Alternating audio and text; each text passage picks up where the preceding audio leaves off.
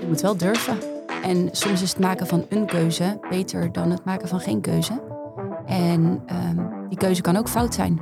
Je luistert naar Gwenda van Volero. Een vloerkleden webshop dat binnen vijf jaar van 0 naar meer dan 20 miljoen jaaromzet is gegroeid. Deze aflevering gaat over de reis vanuit het perspectief van de e-commerce manager. Van ambitie naar realiteit. Gwenda neemt ons mee in haar unieke visie op e-commerce en vertelt over hoe ze Volero naar ongekende hoogtes heeft geleid. Het opzetten van een schaalbaar platform, partnerkeuzes, maar ook zaken als snel beslissingen nemen of een cultuur creëren waarin fouten kunnen worden gemaakt, komen aan bod. Als jij wil ontdekken welke stappen je moet zetten op weg naar een jaaromzet van 20 miljoen, blijf dan vooral luisteren. Het succesverhaal van Gwenda en Volero.nl is een inspirerend voorbeeld. Wij zijn Framework, het e-commerce bureau waarmee webshops van 1 naar 20 miljoen jaaromzet groeien. Wil je weten hoe? Check dan onze website www.framework.nl. Dat is f r m v r k.nl. En dan nu de podcast.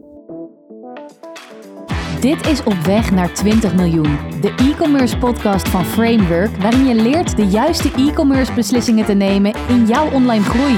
Gwenda, welkom in de studio. Goedemorgen jongens. Goedemorgen, we zijn een eh, vroege, vroege podcast is dit. Hoe gaat het vandaag? Gaat het lekker? Gaat zeker lekker. Vandaag Ja. heb je ook wat aardig wat op de planning staan volgens mij in het kader van e-commerce. Het is een uitje voor jou. Vandaag wel. Wat we gaan dan? lekker Ga- op pad. Ja, precies. Vanmiddag eh, Shopping Today. Ja. Dus daar eh, gaan we van genieten en laten we weer de inspiratie naar voren komen. Gaaf. Het zijn altijd wel de momenten, een stukje netwerk, zeker. Maar het is ook eh, om weer eh, ja, gewoon de adrenaline te voelen. En Ja. ook gewoon geïnspireerd te raken van andere partijen. Ehm, en om te, eigenlijk soms ook een beetje een terugblik. Kijken wat je eigenlijk zelf allemaal in dat jaar al hebt bereikt. Ja. Waar je staat als bedrijf. Want soms gaat het zo hard. Dan moet je heel even stop, kijken. En kijken waar je precies staat en wat bij je past. Dat Ja, zijn en, altijd wel en gave dat, dat, dingen. dat, dat roept iedereen. Maar het is nog best wel moeilijk om. Tenminste, zie je het niet vaak genoeg gebeuren. Dat mensen inderdaad weer even stoppen. Even, Even reflecteren. Ja, precies. Even reflecteren. Ja. Dus Een stukje reflectie, maar ook voor jezelf. Soms zit je zo in de dag, ben je zo bezig met het, de korte to-do's, Ja. dat je eigenlijk niet doorhebt, oké, maar wat, eh, wat is nou mijn grote geheel waar ik mee bezig ben? Ja, Wat ik wil bereiken. maken ook een rollercoaster door, eh, wat mij betreft. Als ik dat zo een beetje beluister. Ja, ja klopt. kunnen we inderdaad even, hè, eh, wie ben jij? Volero.nl, eh Gwenda. kun je eens even een korte introductie maken van... eh, van, wat Van vier jaar. Ja, precies, van vier jaar. Ja, ik ben Gwenda, werk bij, als e-commerce manager bij Volero. Eigenlijk al vanaf het begin, sterker nog een stukje ook daarvoor. Eh, Volero is de vloerkleden webshop van Nederland. En voordat we dat waren, waren we de woonwinkelier. Toen waren we meer ehm, generalist. En dat is eigenlijk ook de periode dat ik ben ingestapt. Ehm, en dat is, ik denk dat de woonwinkelier ongeveer anderhalf jaar heeft bestaan. Dus na een jaar in mijn carrière zijn we, hebben we de keuze gemaakt om eigenlijk door te gaan ehm, ja, als specialist. En dat is het specialisme op, op het gebied van vloerkleden.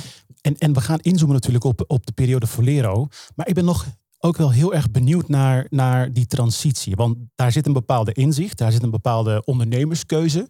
Want eh, toen voor zeg maar, begin der tijden eh, was jij er nog niet. Bij de, bij de onderneming, bij de, bij eh, de eigenaren volgens mij. Klopt. Dus wat hadden zij toen gedaan en waardoor hebben ze toen gezegd... we gaan Volero doen, dat gaan we oprichten. Data. Ik denk dat een, een groot deel daarvan data is. En daarin zie je eigenlijk wat ja, jouw piece of pie is. Ik denk niet dat ze ooit opgestaan zijn, s ochtends vroeg, met de gedachte we gaan eh, vloerkleden verkopen. Maar op het moment dat jouw klant, klantvraag zo groot is naar die productgroep, dat, niks mooier om die dan ook te serveren richting de, richting de klant. Ja, want eh, je, je gaf volgens mij aan, het begon ooit met eh, behang, eh Klopt. behang, behangrolletjes ja, Joost inderdaad. is inderdaad begonnen met behangrolletjes. Vervolgens, ja, zelf naar het postkantoor. Ja, Ja. precies. En, en dat, is, dat is het begin geweest. En daar kwam eigenlijk omdat dat niet. het is best wel een lastig product. Is niet schaalbaar. Je kan daar niet heel erg eh, de, ja, eh, de diepte mee in. Waarom? Waarom is het niet schaalbaar? Kleurcodes. Hmm. Ehm, als je ja, eh, behangrollen, maar dan gaan we de detail in. Als je behangrollen produceert, dan heb je te maken met badges waarin het specifieke kleurtje moet matchen. Ehm, en dat is gewoon heel lastig. Ja. Dus dat, is, dat, ja, dat ging niet, niet, niet hard genoeg, niet snel genoeg. En dat, ja, dan ga je het aanvullen met andere producten, middels data, middels, middels leveranciers. En vanuit daar de keuze gemaakt om verder te gaan, meer als eh, generalist, dus de woonwinkelier. En daarin bleek dus dat er juist heel veel bij ons binnenkwam op het gebied van vloerkleden. Ja. Bijzonder, gaaf. Ja, precies. Want, en, vervolgens, eh even spoiler alert, nou, of, of, of helemaal niet. Maar Volero wordt in het leven geroepen, eh, vijf jaar tijd, nog niet eens volgens mij. Eens? Nee. En eh, op weg naar 20 miljoen is al passé. Ja. Ja. Dat, dat is een prestatie, Thomas. Ja, dat, ja, dat is gewoon een raket. Ja. Dat is gewoon een raket. Ik denk dat dat een soort van eh, jongensboek is. Als ik denk dat heel veel eh, e-commerce ondernemers en managers en bij zichzelf zouden willen dat dit allemaal waarheid is. En eh, nou, in jullie geval is dat dus eh, de situatie. Ja. Ik kan me ook wel heel goed voorstellen dat dat, hè, je noemde net al een reflectie, dat je gewoon ieder jaar opnieuw moet gaan bekijken hoe je je organisatie moet, weer moet gaan inrichten. ja, want die gaat Omdat- hard. Die gaat heel hard. Ja. Ja. En dan ben ik ook benieuwd naar het volgende. Want nogmaals, iedereen wil dat, wilt dat verhaal kunnen vertellen. We zijn vijf jaar geleden begonnen. We hebben dit behaald. Werknemers, eh, voorraad. nou, Verschillende successen op verschillende vlakken. Alleen daarbij heb je dus enerzijds nu benoemd. Nou, we hadden wel een bepaalde focus in wat we, waar we sterk in waren. Vloerkleden. Daar zagen we een kans. Hebben we op ingespeeld. Nou wil ik eens vragen naar ook een stukje ambitie. Want wat ik eigenlijk in het vervolg van de podcast vooral wil eh, eh, bespreken met jou is... ehm, jullie hebben een stip op de horizon. Hoe werk je daar naartoe? En zet je die stip enkel op basis van... jongens, het is een gat in de markt. Hier gaan we geld aan verdienen. Of ligt daar ook een stukje ambitie bij? Natuurlijk. Hoe zou je dat omschrijven? Dus hoe groot was die ambitie? Of wat voor een ambitie was dat? Wat jullie ook een bepaalde eh, drijfveer heeft gegeven om ja, dit succes te behalen? Verslaving misschien een stukje. Oh, zo, ja. Dat, Oké. Ja, als je eenmaal gaat, dan wil het echt wel snowball, eh snowball hard Ja. gaan. Ik denk basis. Als in dat het, dat het eh, basisteam, het MT-team, die, daar moet wel dezelfde spirit in zitten. Eh, Wat, is de- omdat wat, echt, wat eh, bedoel je met dezelfde spirit? Het is wel hard werken. Het is wel hard gaan. En het is daarin ook continu aanpassen. Ja. Want op het moment dat iets nu werkt, betekent dat echt al bij wijze van spreken dat het drie maanden later niet meer werkt. Problemen die je nu hebt en denkt, nou, heb ik opgelost. Dan is het niet een kwestie van, dan kunnen we nu even gezellig een bakje koffie drinken. Ja. Want dan komt het volgende probleem eh, naar voren. En zeker tijdens corona-periode, waarbij eigenlijk denk ik heel e-commerce best wel gegroeid is. Ehm, dat is best wel een periode voor heel veel mensen geweest dat het, dat het sneller ging dan dat ze zelf hadden kunnen, Ja. aan zich een stip hadden kunnen verwachten. Maar zit het, zit het ook enerzijds in het feit van het overkomt je? Of het is een doel? Het is een soort van eh, zeg maar vooropgezet plan. Kijk, als iets je overkomt, dan kan ik me voorstellen dat je soort van elke keer achter de feiten aanloopt. Tenzij je zegt, als je natuurlijk een goed team hebt, waarvan je weet van jongens, wij gaan die versnelling en wij weten ervan dat die versnelling alleen maar sneller en sneller, we gaan die sneeuwbal pakken, dan weet je dat je je ook moet voorbereiden op wat er allemaal gaat komen. Zit daar, zit daar ook een verschil in? Dat je echt heel bewust, misschien Joost ook wel vanaf begin af aan zei, van joh, ik wil een bedrijf gaan bouwen wat heel schaalbaar is en wat dus ook heel snel kan gaan rollen. Beide. Ik denk dat corona overkomt je als bedrijf zijnde. Maar het stukje, je, je, je mindset zetten op, ik, hè, ik wil een bedrijf wat zo groot wordt. Dus dan ga je daar ook bewust je partijen bij zoeken. Dan ga je bewust over je processen nadenken. En dan ga je bewust, hou je die schaalbaarheid en automatisering, hou je altijd in gedachten. Eh, want als je dat niet doet, dan heb je misschien Ja. straks een transitie gemaakt naar een nieuwe partij of een partner met wie je gaat samenwerken. Tegen de tijd dat het staat, kan je alweer afscheid nemen. Ja. Dus daarin is voor ons wel echt een bewuste keuze. Wij gaan hier naartoe werken met z'n allen en daar gaan we naartoe. Ieder in zijn specialisme. En dat is wel, ja, dat is hard werken. Dat overkomt je niet. En was die stip op die horizon toen op het moment dat ja, je eigenlijk zag van oké, vanuit de data dat vloerkleden zeg maar het deel is waar jullie eigenlijk vol, vol voor wilden gaan. Was toen ook gelijk die stip op die horizon, die ambitie duidelijk? Wij willen de grootste worden in Europa? De nummer één in nee. Europa? Dat niet. Nee, onze eerste jaar hebben wij eh, elkaar aangekeken. En toen was het aan zich, we gaan van de woonwinkelier naar Volero. En dan gaan we, ehm, ja, gaan we de grootste vloerkleden webshop van Nederland worden. En eigenlijk toen dat uitgesproken was, eh, hadden we geen stip meer. Nee. Toen moesten we een Ja. nieuwe stip gaan zetten. Ja, ja, dus ja. dat is wel heel gaaf. Ja. En dat is wel daar, dat kan je aan niet alleen. Daar heb je echt een team voor nodig. En dat, dat is wel gewoon hard werken en ambitie. Dat is eh, En, en voor de goede orde, Thomas eh, noemt hem net, maar eh, wat is de ambitie van Valero? de grootste vloerkleden webshop van Europa. Ja. Ja, ja, ja, de grootste van Europa. En je geeft ook aan, ehm, die ambitie is op zich ook gegroeid. Hè? Dus vanaf het begin was er een ambitie. Was, is de ma- wat, wat is hetzelfde gebleven in die vijf jaar tijd? Het team. Ja, het managementteam. Oprecht. Ja. Oké. Het team. En dat, dat is voor mij persoonlijk iets waar ik heel trots op ben. Want dat is binnen elk bedrijf ook niet, eh, niet zo. Zeker niet in een periode waar heel veel gebeurt. Heel veel strak staat. Best wel veel spanning. Ja. Ehm, ja, daar, daar, daar gaat ook, dat is voor niet iedereen haalbaar. Maar het team staat er nog steeds. En, dat is wel heel gaaf. Om, daar, om, dat, om dat een klein beetje te duiden. welke teamleden zijn er? Waar, waar praat je dan over? Hoe groot is dat team? En wel, welke mensen zitten er daar dan om uiteindelijk die groei te realiseren? Daar ben jij er één van? Correct. Uh, Volero zelf bestaat uit 40, 45 uh, man. Ja.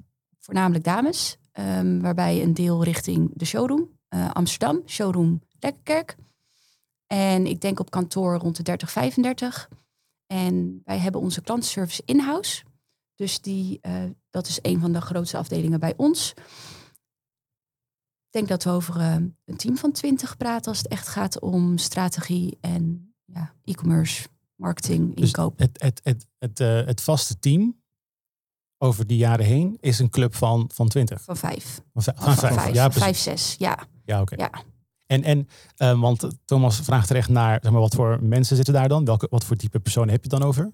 Um, maar als ik ook nog eens mag vragen om de kwaliteiten. Want, want wat, wat ik mooi vind, wat ik eruit haal eigenlijk, is het succes van Volero zit dus blijkbaar in dat team. Want heel veel dingen zijn er veranderd. Zit niet dan in de initiële ambitie, want die zijn jullie uitgegroeid. Uh, zit misschien een bepaalde mindset, een bepaalde benadering. Wat zouden, zijn, wat zouden die kwaliteiten zijn, als je er een paar kan noemen, die, die, die een ondernemer ook voor zichzelf kan nagaan? Oké, als ik inderdaad weet je, zo'n verhaal wil gaan vertellen later, dan zijn dit wel elementen waar ik op moet gaan letten. Je moet wel durven. Mm. En soms is het maken van een keuze beter dan het maken van geen keuze. En um, die keuze kan ook fout zijn. En ik denk dat daarin een stukje durven, pionieren, gaan. Um, en als we kijken naar kwaliteit, het is best wel een divers team, jong team. Um, maar één is heel erg gefocust op techniek, één is heel erg gefocust op data, de ander is heel erg gefocust op eh, sociale, het, het, het, het, het leiding geven, het leiderschap, het beste uit mensen halen. Um, en ja, daarin allemaal wel, denk ik, een stukje brutaliteit. Ja, ondernemerschap ook, denk ik, uh, wat, je, wat je ook zo benoemt. Hè? Dat ja. je durft, durft te gaan, zeg maar, en durft eigenlijk letterlijk op je bek te gaan. Ja. Maar beter iets doen dan niets doen. Ja, en dat is bij ons ook uh, intern een van de values. En dat dringt door tot in detail. Um, maak maar een keuze, links of rechts ga links. Misschien hadden we hartstikke rechts moeten gaan. Zien we dan wel. Gaan we kunnen okay. altijd nog terug. En dit vind ik altijd heel leuk. Want uh, dan komen een stukje HR. Zo Thomas zijn, uh, zijn, zijn domein. En dit soort dingen worden dan vaak genoemd. We hebben deze kernwaarden. Maar waar gaat het dan? Kun, kun, je een voorbeeld geven? Even een vraag. Waar, het dus, waar, waar er dus gewoon een, een foute keuze wordt gemaakt. Waar jullie de ruimte hebben geboden. En er ook daadwerkelijk een foute keuze wordt gemaakt. Want je hebt vaak dat bedrijf. Ja, je mag keuzes, je mag fouten maken. Fouten, want iedereen gelooft daar wel in. Verkeerde inkoop. Ja? Verkeerde producten, verkeerde productontwikkeling. Um, Oké, okay, verkeerde, verkeerde, ja, ja, want we zijn mensen. Ja. ja. We zijn maar mensen, dan is we het maken belangrijk fouten. natuurlijk, hoe ga je ermee om? Want dat eigenlijk wat je zegt, fouten maken mag. Dat hoor je natuurlijk overal. Maar het is veel belangrijker om binnen je, nou ja, laat zeggen, DNA van je organisatie ook te durven zeggen van een fout die je maakt. Dat maakt niet uit. En sterker nog, dat is een leermoment voor ons. We hebben een mogelijkheid gevonden hoe het niet moet. Maar nu verder. En ik denk dat dat heel belangrijk is. En dat heb je waarschijnlijk ook geen bed. Misschien kan je daar ook iets meer over vertellen. Van hoe jullie daar dan mee omgaan. Er zijn bedrijven die het gewoon vieren. Die zeggen gewoon van oké, okay, er is een fout gemaakt, we vieren het. Want dan weten we, zeg maar. Van ja, weet je, als, want als je zo ver durft te gaan. Want kijk, in principe. Uh, het, het zeggen van we, we mogen fouten maken. Ik denk dat het binnen een bureau zoals ons, dan roepen wij dat ook. Maar er is toch altijd nog een bepaald gevoel dat mensen hebben. Denk ja, maar als ja. ik een fout maak. En als je achteraf daar toch nog wel wat nou, misschien wel wat last over krijgt. Hè? Dat je denkt van ja, ik heb het nou wel gedaan, maar hè, er werd toch eigenlijk niet zo enthousiast op gereageerd. Ja. Wat, en, wat ergens ook logisch is als ja, het ja, gaat. Het is logisch, Ja. maar, Ja. maar op het moment dat je het juist een moment maakt die zegt van ja, maar jongens, kijk eens wat we hebben gedaan. Innovatie is natuurlijk eigenlijk bij uitstek een, een, een plek, of laat zo zeggen, uh, iets waarbij fouten maken juist heel erg van belang is om verder te komen. Ik denk het stukje handvatten geven hoe iemand zijn eigen fouten, als het zelf op te lossen is, um, om die zelf weer recht te breiden. Ja, Want dan op het moment dat iemand het lukt om daar ook weer een positieve draai aan te geven, gaat diegene wel met een beter hart naar huis. Juist.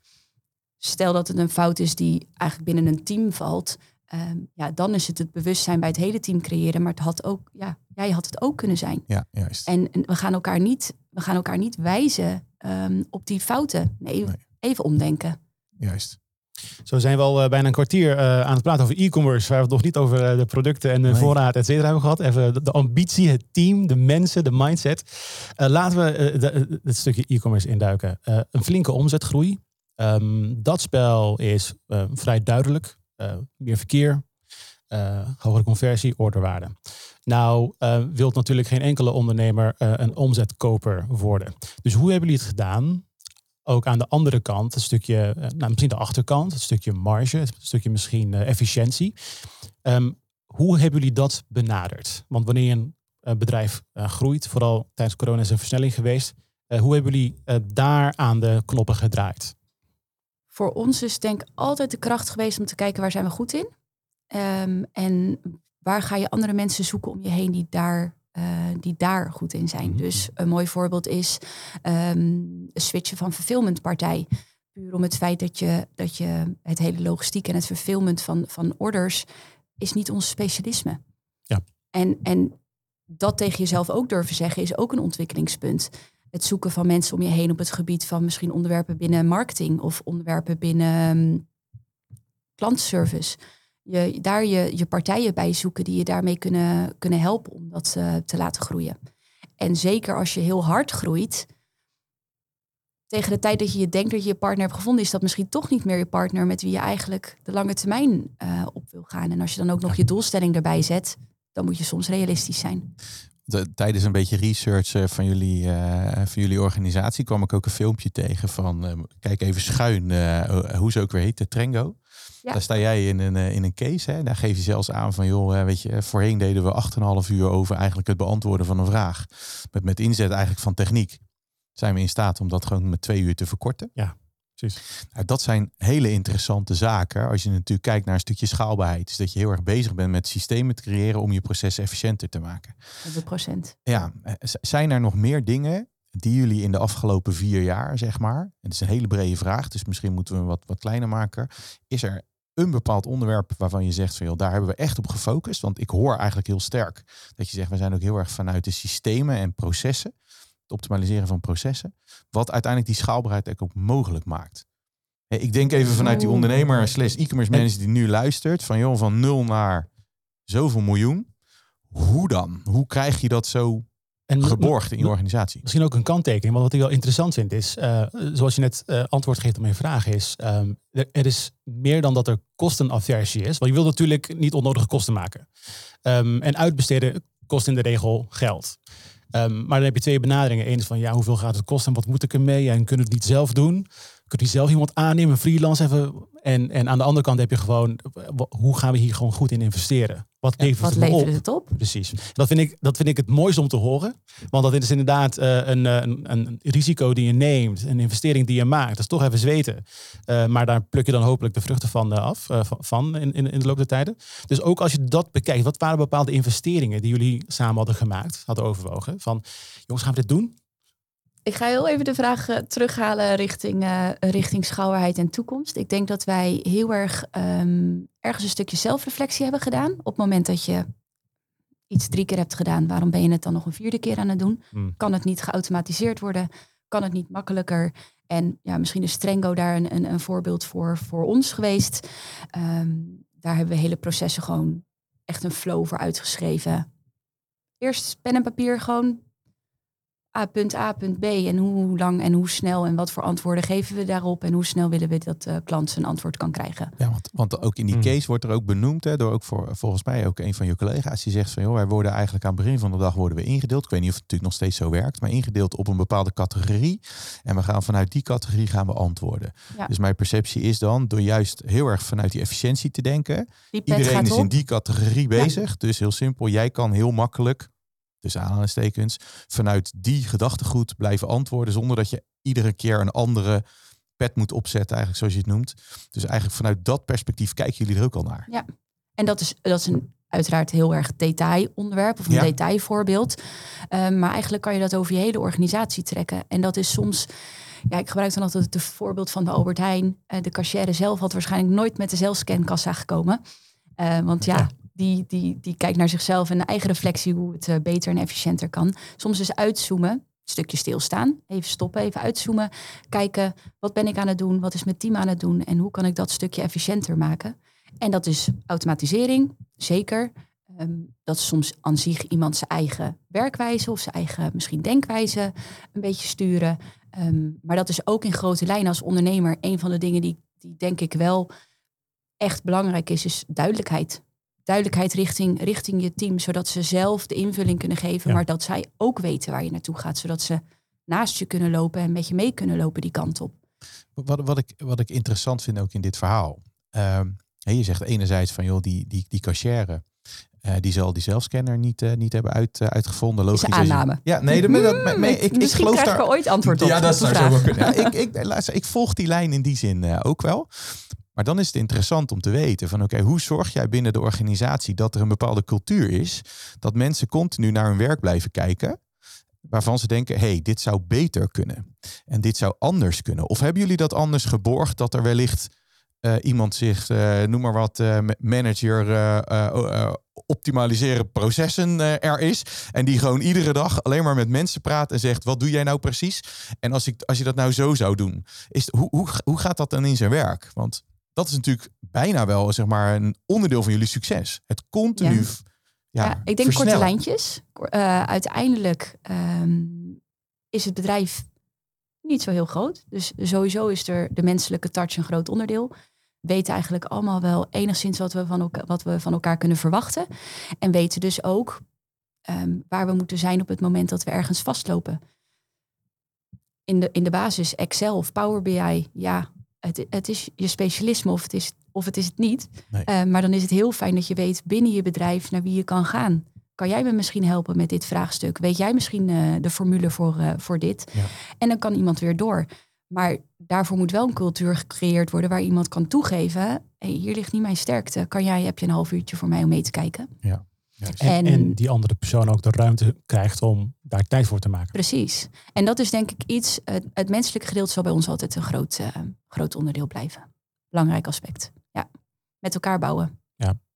Ehm, een belangrijk dossier is eh, in die groei geweest eh, het IT-landschap. Uiteraard. En daar vandaan wil ik straks ook eh, ehm, de vraag stellen die ik ben vergeten, maar dat maakt helemaal niet uit. Het IT-landschap, want ehm, eh, wat er gebeurt is natuurlijk, je begint met een bepaalde visie en je gaat bepaalde dingen opzetten. Je hebt je webshop en op een gegeven moment hebben jullie je echt voorbereid op internationale schaalbaarheid. Ehm, hoe komt dat tot stand? Wanneer gaat er een, lampje branden? Oké jongens, we gaan dit anders doen. Eh, hoe is dat gegaan bij jullie? Als eerst hadden we de ambitie als grootste vloerkleden webshop van Nederland. Toen vervormd naar de Benelux. Ja. Als dat staat, dan word je, word je enthousiast. en ik denk dat in het landschap van nu, waar je relatief gemakkelijk gebruik kan maken van platformen, je best wel snel stappen ook kan, kan maken. Ehm, uiteraard voor elk bedrijf, ja, denk ik, voor elk e-commerce bedrijf blijft een stukje logistiek altijd een aspect. Dus dat is altijd wel iets spannends om te kijken, kan ik wel, kan ik wel leveren uiteindelijk? Ehm, en daarvoor is elk, ja, voor elke partij een ander land een keuze. Maar ja, daarin het stukje proberen. Kijken of het, eh, kijken of het succesvol wordt richting de klant. En daarnaast daarin ook weer je data uitlezen of daar binnen dat land voor jou een, een, ja, een piece of pie is. En die kan in elk land anders zijn.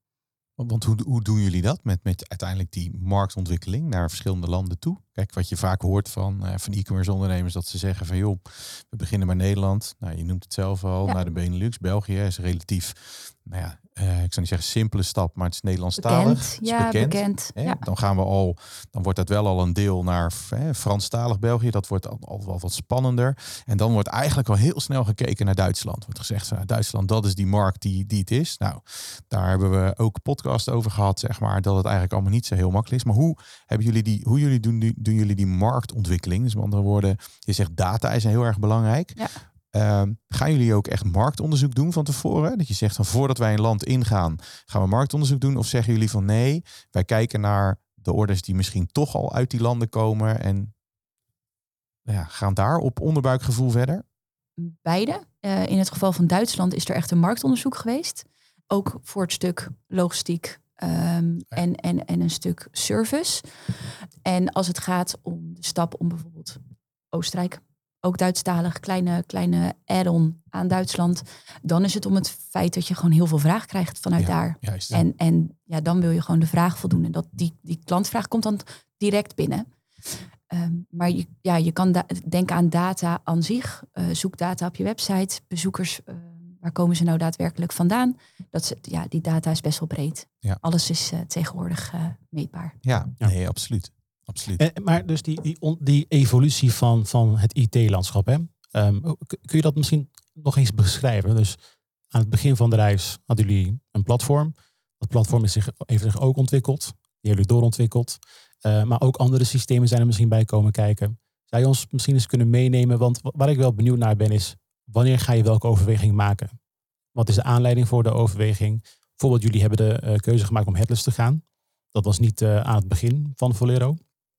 Dus dat komt dan ergens ter sprake. En waarschijnlijk ook andere ontwikkelingen. Kun je misschien die evolutie, ons meenemen die evolutie van het, ont, uh, van het platform. En wat bepaalde keuzemomenten waren daarin? Ik denk dat in, in de vier jaar tijd dat wij er nu zijn, waarbij we twee, tweeënhalf, bijna drie jaar uh, coronaperiode hebben gehad, dat heel veel knelpunten dan eigenlijk de reden zijn om een keuze te maken. Ja. Dus je loopt ergens op vast, omdat je merkt dat in de basis um, ja, heb je misschien dit probleem en dan is die opgelost en dan komt het volgende probleem. Dus dan op een gegeven moment, juist op zulke momenten is het om het uit te zoomen, die problemen te bundelen. Um, en dan kom je misschien eigenlijk tot een hele andere oplossing. In ons geval, heel veel kleine ICT of IT-problemen hebben gezorgd voor de keuze om headless te gaan. En ja. dat is weer een stukje uitzoomen naar, naar wat er speelt. Aan de andere kant, andere problemen worden wel misschien nog eerst uh, aan zich opgepakt voordat we daar grotere keuzes in kunnen maken. Ja, we zijn pas ja. net begonnen. Ja, Nog jaren genoeg. Dus net, dan. Net begonnen, maar we ja. het, het laat ze zeggen. Het voelt al heel volwassen. ja, ja. Alsof een baby gelijk 20 jaar is, zeg maar. maar. Kun, kun, heb je misschien voorbeelden van bepaalde knelpunten voor een stukje herkenbaarheid van de luisteraar? Misschien, oh ja, jee, dat heb ik ook inderdaad. Of uh, ja, maar dat heb voor ik ons als, als e-commerce partij werken we samen met, met verschillende leveranciers. En ja, elke partij heeft zijn eigen software. Om dat allemaal met elkaar te laten praten, blijft elke keer weer een uitdaging. Ja, en dat is, uh, ja, en de een, uh, de een werkt op, op deze manier, de andere werkt op die manier. Maar je wil het wel allemaal bundelen en ja, op de juiste manier gepresenteerd krijgen op je eigen website. Ja, en, zijn, en zijn er dan ook nog dingen waarvan je zegt van oké, dat zijn echt hele specifieke dingen die wij in huis ontwikkelen. Dus dat je zegt van dat is onze basis, dus dat vinden wij belangrijk dat we dat zelf in huis hebben. Of zeg je nee, we gaan gewoon eigenlijk, nou ja, best of breed. Dus met andere woorden, gewoon alle beste producten in de markt, knop koppelen aan elkaar en zorgen ervoor dat die allemaal met elkaar gaan, gaan werken. Op die manier. Nee, we hebben eigen developer. Ja. Dus daarin um, hebben we daar korte lijntjes mee. En dat is gewoon van onszelf. Dus daarin kunnen we best wel veel, uh, um, ja, best wel veel spelen. En wat, Ik denk wat dat dat ook die dan met name? Koppelingen, presentatie, informatiepresentatie op de website. Het klinkt eigenlijk altijd heel gemakkelijk en heel logisch. Maar de juiste ja. informatie op het juiste moment um, ja, op de juiste manier gepresenteerd krijgen is, uh, is makkelijk te tekenen, maar ja, lastig te realiseren. Ja. En dat is een stukje development wat we, wat we bijvoorbeeld wel echt hebben, ja, hebben neergelegd bij onszelf. Um, ook om dat door te kunnen blijven trekken. Voorbeeld, producten zijn zelf niet te zien in de showroom. Um, ja, onze showroom manager kan dat heel mooi uh, uh, presenteren. maar de klantvraag blijft, kunnen we het zien? Dat, dat moet eigenlijk heel makkelijk weer te geven zijn. En dat moet iemand ook gewoon heel makkelijk zelf kunnen doen. Daar moet iets makkelijks achter zitten. Ja, want ik zat ook ik zat een artikel te lezen ook van, uh, van Joost. Volgens mij was dat in, uh, ik zeg even Fashion 360. Nee, Wonen 360. Mm -hmm. Waar die inderdaad aangeeft van oké, okay, uh, we zijn op een bepaald moment ook begonnen met het openen van winkels. Uh, eerst, uh, eerst zeg maar in deze omgeving, uh, onlangs dan, nou onlangs niet, maar want het artikel gaat weer iets verder terug, in Amsterdam. Maar de ambitie is ook om Noord-Nederland, misschien zit hij er inmiddels al, Noord-Nederland en België zeg maar. ook wel met een bewuste keuze. Hè? En, dan denk, leg ik even de link bijvoorbeeld naar een Coolblue, die op een bepaald moment zegt, we zijn een online speler, we gaan vervolgens winkels offline openen. Ook met name om die markt nog verder te, te, te bewerken. Wat was jullie drijfveer om uiteindelijk ook winkels te gaan openen als eigenlijk pure player, als een online speler? Ja. Volgens mij heeft Coolblue het ook grotendeels gedaan om een uh, stukje service uh, te kunnen bieden. Ja, klopt. Um, een stukje retourbeleid mee te pakken. Uiteraard ook aspecten die bij ons meespelen. Ik denk dat voornaamste reden eigenlijk het product is en dan de kleur. Waarbij heel veel klanten toch ja, een beetje benieuwd zijn of de kleur wel de realiteit is die ze gepresenteerd krijgen. En daarnaast een stukje doelgroepvergroting. Ja. De oudere partij die toch het liefst eigenlijk uh, naar de winkel gaat. En als je dan, als je dan praat over, over kleur, ik, ik heb natuurlijk, uh, laat zo zeggen, ik kan me niet helemaal voorstellen uh, hoeveel SKU's bij jullie in jullie webshop zitten, maar ik kan me daar wel een beeld bij vormen. Ik kan me niet voorstellen dat je dat allemaal in de winkel hebt liggen. Hoe werkt dat dan? Als iemand dan uiteindelijk zegt, nou, ik wil die specifiek, ik wil dat specifieke kleed een keer zien. Gaat er dan iets vanuit het magazijn daar naartoe om te kijken? Of zijn het soort van inspiratiekleden, zeg maar? Op die manier. Nee, we hebben een grote collectie. Echt wel een flink aantal ligt in, uh, in Amsterdam en in Lekkerkerk. Dus daar is echt wel keuze. Um, stel dat een vloerkleed er niet is, hebben we vaak wel een kwaliteit, zodat we in ieder geval de beleving mee kunnen Mm. geven. Um, en dan alsnog kleuren die we eventueel kunnen laten zien door middel van, uh, van kleurenstaaltjes. Ja. Um, maar nee, een heel groot deel ligt er, uh, ligt Ligt er wel. wel. Ja, Ja, ja. echt als showroom. Gaaf voor. Daarmee eh, de transitie, eh, hebben, we, he- hebben we de transitie gemaakt naar eh, de voorkant, de marketing. We hebben het nu niet, nog niet over de webshop, maar wel over de beleving. Dus eh, hoe ga je de klant uiteindelijk eh, warm maken voor je, voor, je, voor je product? Laten we het hebben over die marketingmix. Want ik, eh, eh, als, als je naar volero.nl kijkt, dan zie je gelijk beleving. Ik vind het heel leuk. Eh, mij, valt inderdaad, mij vallen inderdaad de foto's op, waarbij altijd een persoon op de grond, op de kleed, een boekje lezen of een, of een magazine, et cetera. Daar zit heus wel wat, wat een bepaalde visie achter. Kun je ons misschien eens meenemen in het dossier content? Of misschien laten we beginnen met merk. En dan beginnen wij ook al de naam, Volero. Hoe benaderen jullie merk? En hoe is die naam dan ook tot stand gekomen?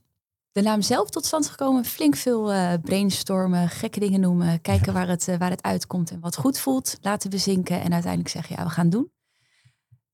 Voor ons, de grap zit erin, als je scrabbelt, het woordje vloer zit erin, blijft toch altijd een stukje knipoog. ja, ja, oké. Ehm, maar voor ons voornamelijk een naam waarbij we nog, maar, ja, die we zelf heel veel lading, emotionele beleving konden, konden geven. Ja. Eh, een stukje branding, ehm, waarbij het ook ja, uitspraak in, in heel veel verschillende talen goed, eh, goed uit te spreken is. Mm, als het gaat om bijvoorbeeld fotografie, is inderdaad in-house, doen we, doen we zelf. En daarin is altijd wel een stukje van, nou, wat voor, wat voor persoon zou dit kopen? Wat Ja. voor persoon en hoe zou die persoon zijn woonkamer eruit zien? En dan toch echt dat wel bewust meenemen in, in, in de vloerkeuze, in de bankkeuze, in de, in de, ja, in de fotografiestijl. Ja, Dat is wel grappig. Dus, dus inderdaad, hè, dat, doen we als, altijd als marketeers van customer journey, eh, inleven. Maar dit zijn ook de gesprekken die jullie dan voeren met, eh, met jullie team. Ja. Wat voor een persoon zou dit kleed willen kopen en wat zouden ze doen thuis? Ja. Ja. ja en, en dat kan echt in detail. Dat is echt, eh, dan wordt er een, eh, een interne naam genoemd. Ja, dit is echt een eh, puntje puntje kleed. Dat zou zij zo mee naar huis Ja. nemen. Vind je dit een mooi kleed? Ja, deze vind ik fantastisch. Nou, Ja. dan weet je dat je, dat je daarin goed zit. Ja, En dat ik vind het wel een mooi contrast inderdaad. Want eh, als, je, eh, als je zoekt naar vloerkleden in Google, krijg je waarschijnlijk heel wat resultaten. En waarschijnlijk is er ergens een shop, eh, vloerkleden.nl. Ik heb niet gekeken, ik weet niet of het bestaat. Maar non-branded algemene namen. en dan heb je inderdaad Volero. Een beetje het idee van, van Coolblue destijds. Ze hadden ook allemaal tientallen shops, honderden, 313 zelfs, volgens mij. Shops die allemaal een bepaalde naam hadden, algemeen. En dat hebben ze gebundeld onder, onder, onder Coolblue. En dat, dat laat ook zien hoe zij dat stukje merk benaderen. Want merkbeleving eh, staat voor, is, is voor hun belangrijk. Ehm, hoe, hoe zie je dat nog meer terug bij Volero? Ik begrijp hem heel goed vanuit content oogpunt. Jullie schrijven eigen teksten. Jullie eh, hebben eigen fotografie. Maar als we bijvoorbeeld kijken naar andere marketingactiviteiten van eh, bijvoorbeeld social ads of misschien ook andere offline marketing. Zou, kun je ons misschien meenemen in hoe jullie dat misschien Volero eigen maken? Zijn er voorbeelden te De- noemen? ja, ja, misschien eh, grappig om voor de luisteraar te weten dat alle mensen die spelen in onze tv-commercials zijn bekenden. Dus dat is ook, eh, ja, dat is echt het stukje levend houden in je, in je eigen team. En Ik, ik, vond, ik, ik las eh, ergens inderdaad, ehm Volero maakt van elk huis een thuis. Maar ik weet niet of, dat, of jullie dat zelf hebben geschreven of dat over jullie is geschreven. Vond ik wel een leuke, leuke statement. Want ja, goed, als je dit soort dingen dan benoemt inderdaad. Want wat maakt een huis een thuis? Ja goed, bekendheid, ja, vertrouwdheid, warmte. Ja, dat is wel leuk, leuk om te horen. En, en als we dan iets breder trekken dan Volero, eh, die marketingmix. En dan is het natuurlijk een uitgebreide mix. Maar als jij een aantal dingen zou kunnen noemen, wel, die afgelopen vijf jaar, die groei. eh, wat waren dingen die in het bijzonder goed hebben gewerkt voor jullie? Ik denk dat op het moment dat iemand gaat verhuizen of gaat samenwonen, Hmm. Ehm, dan is vooral die oriëntatiefase voor ons iets interessants geweest. Waar we tijdens corona voornamelijk gewoon echt in de, in, ja, in de buyer-fase eh, ons assortiment lieten zien. eh, maken we nu langzaam ook de stap naar, naar de andere onderwerpen, of in ieder geval de andere onderdelen van de customer journey. En één daarvan is ehm, vooral veel focus geweest op dat, dat inspiratie. En echt dat specialisme laten zien, een stukje advies. Ehm, en dat kan echt zijn in bank-kledencombinatie. Dat kan zijn echt in, in woonstijlcombinaties. Waarbij het, de, ja, het stukje sales, om het zo even te zeggen, de, de, de verkoop, dat gaat op een gegeven moment goed. Dat staat, dat hele proces staat. Je krijgt het bij de klant. En daarna is het een stukje service die je de klant wil gaan, eh, gaan bieden. En dat zijn voor ons dus de, het, eigenlijk het beginpunt en het Mm. eindpunt waar wij als bedrijf heel veel focus op hebben gehad afgelopen jaar. Dus eh, dan, dan hoor ik dan ook goed dat het stuk, een een deel van de, van de klantenservice is ook gewoon een stukje marketing. Advies geven. Vind ik wel. Inspireren. Ja. Ah. ja. En, die, en foto's. We krijgen woonkamers binnen en dan is het echt een stuk, eh, stuk advies wat erbij komt kijken. Ja. Oh ja, grappig. klanten die sturen foto's van hun woonkamer en dan geven jullie daar een stukje advies Ja. op. Ja, Dus het maakt het wel persoonlijk. de dames- Dat is- Ja. Ja, ja. De, de, de dames en heren gaan ook naar, eh, naar de showrooms toe. Om, om weer even collecties te zien en, en, en inspiratie te hebben, zodat ze dat uit eigen, eigen hart richting de klant kunnen vertellen. En ehm, dus die, die is dat. En dan begrijp je dan ook goed dat jullie eigenlijk de customer journey gewoon hebben uitgeschreven. En dan gekeken waar kunnen we in welke fase inspelen of helpen eh, die klant in, in zijn of haar zoektocht. Correct. Ja. En daar de, ik denk de marketing, uitingen en ja, televisiecampagnes is daar misschien een, een, een voorbeeld van. Echt mensen een sfeer geven. En dat is uiteindelijk inderdaad een thuismaken van een huis blijft, eh, blijft de doelstelling. En televisie noem je. Jullie hebben commercials. Ja. Is dat niet eh, weet je wel, zwart-wit eh, gezien eh, een no-go? Want de marketing is online en televisie kan je niet meten en dat is allemaal oud. Bekende vraagstukken. Hebben we zelf ook mee ja, om de tafel gezeten. Maar daarin is het ook weer, soms moet je het doen. Kijken Ja, of het voor je werkt. En dat is heel makkelijk gezegd, uiteraard. Want er komt een hoop bij kijken, een hoop voorbereiding. Zeker waar. Maar ja, anders is de groei heel lastig te realiseren als je het, niet, eh, En, en het soms niet ja, gewoon kun je doet. het een beetje kwantificeren voor jezelf? Of bepaalde signalen die je dan hebben opgepikt? Is het een succes geweest? Of in hoeverre zijn jullie tevreden met, eh, met eh, het resultaat? Ik denk dat dat vooral zit in de klant. Heel veel klanten die in de showroom aangeven. Ik heb jullie op televisie gezien. Ja, ja. Eh, mensen met wie je spreekt. eh, je eigen omgeving. Ja, dan merk je echt nog wel de kracht van tv.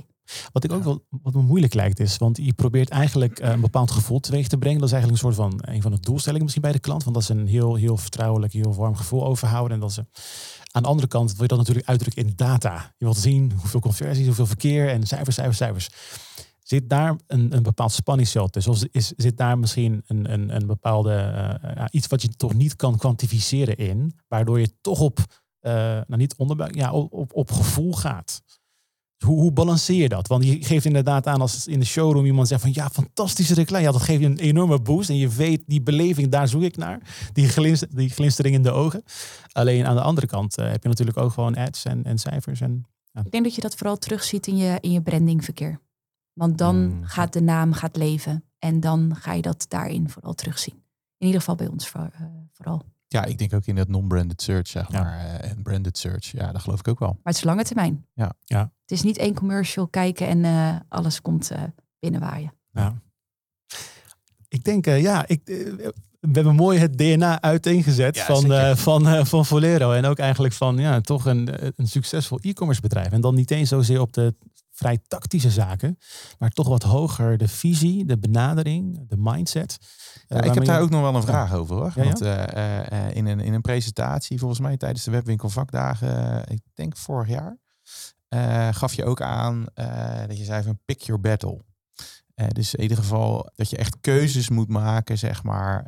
dat je niet alles kan doen. Hè. Dat is natuurlijk wel een beetje een, een situatie waar iedereen zich eh, bewust van zou moeten zijn. Maar als je dat nou eens projecteert, en misschien heb je daar ook al tijdens die presentatie wat voorbeelden van gegeven. Maar ik heb, ik heb had alleen de, ik had alleen de PowerPoint eh, sheet voor me. Dus ik denk, die ga ik toch eens aan je vragen. Wat waren nou die, die battles die je had? En wat heb je eh eruit gepikt om te zeggen, nou dat laat ik links liggen en daar zijn we vol voor gegaan. Bij ons is het echt in een stroomversnelling gegaan. En op zo'n moment moet je echt prioriseren. Ja. En moet je inderdaad pick your battles. En een van de dingen is dan ook erkennen waar ben ik zelf als mens sterk in. Waar is mijn team sterk in en waar zijn we minder sterk in. Partners zoeken op het moment dat je gewoon kan erkennen daar ben ik minder sterk in. En op het moment dat je weet dat daar je sterkte is, is om dan eigenlijk ook te zeggen daar, daar focus ik me op. En het kan zijn dat dat twee of drie onderwerpen zijn die lineair lopen. Ehm, maar waarmee je echt weet Het is ergens altijd de laaghangend fruit gaat natuurlijk voor. Ehm, maar dan ook weten waarom doe ik dit op lange termijn. En erkennen als er problemen zijn, categoriseer ze. Kijken of het allemaal te maken heeft met één soort onderwerp. Als het allemaal logistieke vraagstukken zijn of het zijn allemaal IT-vraagstukken. Misschien uitzoomen en dan toch kijken of er niet eigenlijk een, een groter probleem is wat opgepakt moet worden. Ja. En, en dan, dan, dan eens even terug naar die, die sterkte. Dus van je, je weet op een bepaald moment waar je sterkte ligt. Als ik daar nou eens naar vraag en ik zeg van oké, maar wat zijn nou die sterke punten die jullie binnen je team hebben waarvan je zegt van nou ja, dat houden wij vast. En hetgeen wat daar, eh, wat daar omheen zit, daar doen wij wat minder mee. Of daar gaan we hele goede partners van. Wat zijn nou die, die sterke punten? Kom ik eigenlijk misschien ook wel weer een beetje terug bij die vraag over hoe je je team opbouwt. Misschien je leiderschapsteam. Wat voor uh, we zeggen, sterke punten moet je hebben om een bedrijf binnen nou, vier jaar tijd naar een hoogte te brengen zoals die nu bij jullie uh, is? Wat is jouw visie daarop? Ik denk een heel groot stuk motivatie. Elke dag weer je team gemotiveerd krijgen, met z'n allen ervoor gaan. Ik denk dat een heel groot onderdeel van ons succes is ook het stukje contentcreatie. Waarbij wij dus dat echt in eigen, in eigen hand hebben om te presenteren op de manier zoals wij onszelf en Volero willen presenteren. Ik denk dat het een stukje pionieren is. Durven om, om, om, beslissingen te nemen, zoals bijvoorbeeld op de tv gaan.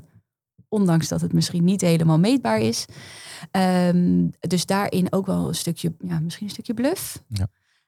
Um, als het gaat om voorbeelden van dingen die dus bijvoorbeeld gekozen zijn, waarvan, nou ja, een misschien andere ondernemer of een ander bedrijf iets langer had over nagedacht, is bijvoorbeeld een stukje Trengo, is een keuze voor ons geweest die wij, ik denk twee weken voor Black Friday hebben genomen. Wetend wat er gaat, uh, wat er gaat komen. ja. ja. dat zijn misschien de keuzes. Achteraf goed verlopen en geluk gehad. Maar ja. dat zijn toch wel. Uh, en ja, dan moet je wel weten met wie je gaat samenwerken. En dan moet je vertrouwen in hebben dat die partij ook met je mee gaat vechten om dat uh, te bereiken. Nou, je maakt voor jezelf een heel mooi bruggetje, want die had ik ook nog staan. Black Friday, weet je. Op, op dit moment gaan we natuurlijk het kwartaal in, zeg maar, waarin het gedaan moet ja. worden. En jij zit hier gewoon, je gaat in. lekker nog naar shopping today. Maar, ja. Dus je bent er volste vertrouwen in dat je het goed georganiseerd hebt, zeg maar. Wat staat, wat staat uh, jullie allemaal te wachten de komende periode? Wat, waar, waar praten we over? He, dat... Goeie feestjes. Ja. Uiteraard, ja. ja. Succes moet gevierd worden. Ja. En dat is denk ik echt wel... Uh, nou, misschien moet ik deze ook inbrengen dat fouten gevierd moeten worden. Maar feestjes, uh, succes moet gevierd worden met elkaar, met z'n allen. Um, niet, niet per afdeling, nee, met z'n allen. En uh, voor ons is Black Friday ja, het moment van het jaar. Daar kijken we echt met z'n allen naar uit. En daar is wel elke afdeling op een ander moment mee bezig. Dus waar een inkoop misschien al uh, ja, januari, februari daarmee bezig is, als net is afgelopen, is een, is een marketing daar nu mee bezig en een klantenservice is daar zo meteen mee bezig. Um, ja, dat is, dat is een samenspel, maar ja, wel uh, ja. heel veel zin in. Hey, en, en, en dat is natuurlijk een hele interessante. Uh, hoe kijken jullie aan tegen bijvoorbeeld de ontwikkeling die bijvoorbeeld in is gezet door een keten als Dille en Camille, die juist eigenlijk zegt, joh, weet je, die overconsumptie ah, die zou je eigenlijk een beetje moeten stoppen. Is dat Black Friday. Uh, ja, wij sluiten onze winkels, uh, wij sluiten onze webshop. Hoe kijk je daar tegenaan? Wat is jouw idee daarbij, jouw mening? Wat, mijn mening. Het, uh, nou ja, ik denk dat uiteindelijk of de klant nou daadwerkelijk koopt op Black Friday, misschien dan eigenlijk de hoofdvraag is. En is het dan niet mooier om iets te verkopen wat beter is voor de wereld dan aan zich iets verkopen? Dus ik denk dat het meer in de productsoort en bijvoorbeeld materialen moet zitten. Um, waarbij we weten dat sommige um, producten echt de hele wereld voorbij gaan voordat ze uiteindelijk bij de consument thuis liggen. Dat we daar misschien meer winst kunnen behalen en de wereld groener kunnen maken dan dat het eerst uh, ja, met, met vliegtuigen en, en, en logistieke stops overal komen voordat ze bij de consument komen. En ga je dat op een bepaald moment ook wel zien in jullie, nou ja, laten we zeggen, jullie missie? Ik zou me goed kunnen voorstellen, nu nog vol focus op een ambitie om de grootste in, uh, in Europa te worden. Ik kan me ook voorstellen dat je, doordat je zo groot wordt, dat je op een bepaald moment ook een wat socialer deel gaat krijgen. En dat je zegt, we gaan ook proberen om nou, wellicht de keten waar we in zitten, of de branche waar we in zitten, verder te verduurzamen. Je noemde het net al met andere materialen, maar er zit natuurlijk een hele keten achter. Is dat ook iets waar jullie oog voor hebben? Ja, als het gaat om het stukje materiaal en duurzaamheid. Um, vlakbij in, de, in dezelfde denkwijze is bijvoorbeeld voor ons een onderwerp uh, aan zich de productie van vloerkleden. Ja. En um, daar speelt ook een vraag die we bijvoorbeeld vanuit de klant vaak krijgen is, eh, is er sprake van kinderarbeid? Dat zijn wel dingen die wij meenemen. En nee, daar is geen sprake van. Want daarin hebben wij wel partijen met wie wij samenwerken, waar die controles krijgen, waarbij de fabrieken gecontroleerd worden. Ja, juist. Mooi. Goed om te horen. Nou, volgens mij nog flink wat werk eh, richting de toekomst voor Volero. Ik uh, denk uh, misschien uh, over twee jaar nog een podcast, een vervolg. om, om te kijken hoe je dan weer nog een keer verdubbeld bent misschien. Hoe, hoe ze de 100 miljoen voorbij zijn gegaan. Ja, precies. Ja, precies. Wordt nummer twee. Nee, ik heb ook een vraag aan jullie heren. Hebben jullie eigenlijk een vloerkleed? Uh, nou, we hebben wel vloerkleed liggen, ook hier in kantoor, zeg maar. Maar ik moet, moet je het antwoord schuldig blijven. Of dat Waar van, ze vandaan komen? Of die van Volero is. Want die komt vanuit bij ons vanuit een kantoorinrichter. Dus dat durf ik niet te zeggen. Nou, ik, ik heb dus, ik heb gisteren nog de, m- mijn vrouw vroeg van, joh, ik wil een vloerkleed. En, en ik, ik ben stellig, laat dat niet doen. Ik heb twee kleintjes. Niks blijft schoon thuis. en ik ben ook bang dat zo'n vloerkleed dus ook binnenkort een keer helemaal bevlekt is. Dus eh, ja, we hebben er nog geen. Maar die, die gaat er ooit komen. Maar ik weet niet, of, we- ik weet niet wanneer. Misschien eh, categorie Past dan, eh past Hey, dan ik bij ga je. er naar kijken. Ja, is goed. Ja. Ja, gelijk een stukje. Ja, een expert die jou gewoon gelijk iets kan vertellen natuurlijk Ja, daarover. want dat zou wel inderdaad eh, een verademing zijn. Ja, ja want eh, ja, goed. Ja. Het schoonhouden van die dingen is gewoon moeilijk met kids. Maar als het gewoon kan blijven, ja, dan is het Wasbaar. Kan gewoon de wasmachine. ja, Dan eh, is dat ook- misschien ook- ook, wat, groter voor de woonkamer? Ja, ja zeker. Ja, je En, anders kunnen we hier in Rotterdam... dit- eh, dit probleem naar voren brengt, denk ik. nee, en anders Ja, in het mooie Rotterdam op zoek naar een wasseretter. Maar het is gewoon, eh, het is gewoon mogelijk. Ja. Ik heb, ja, ik heb, ik heb nooit gekeken of, eh, of dat mogelijk was. Maar goed, bij deze wat geleerd. Mooi hè? Nou, Gwenda, wij willen jou bedanken voor je tijd en je komst. En eh, tot, eh, tot snel. Dankjewel. Dankjewel. Dit was Op weg naar 20 miljoen. De podcast die je helpt betere beslissingen te nemen in jouw online groei. Ga voor meer afleveringen naar je favoriete podcast-app. En vergeet je niet te abonneren.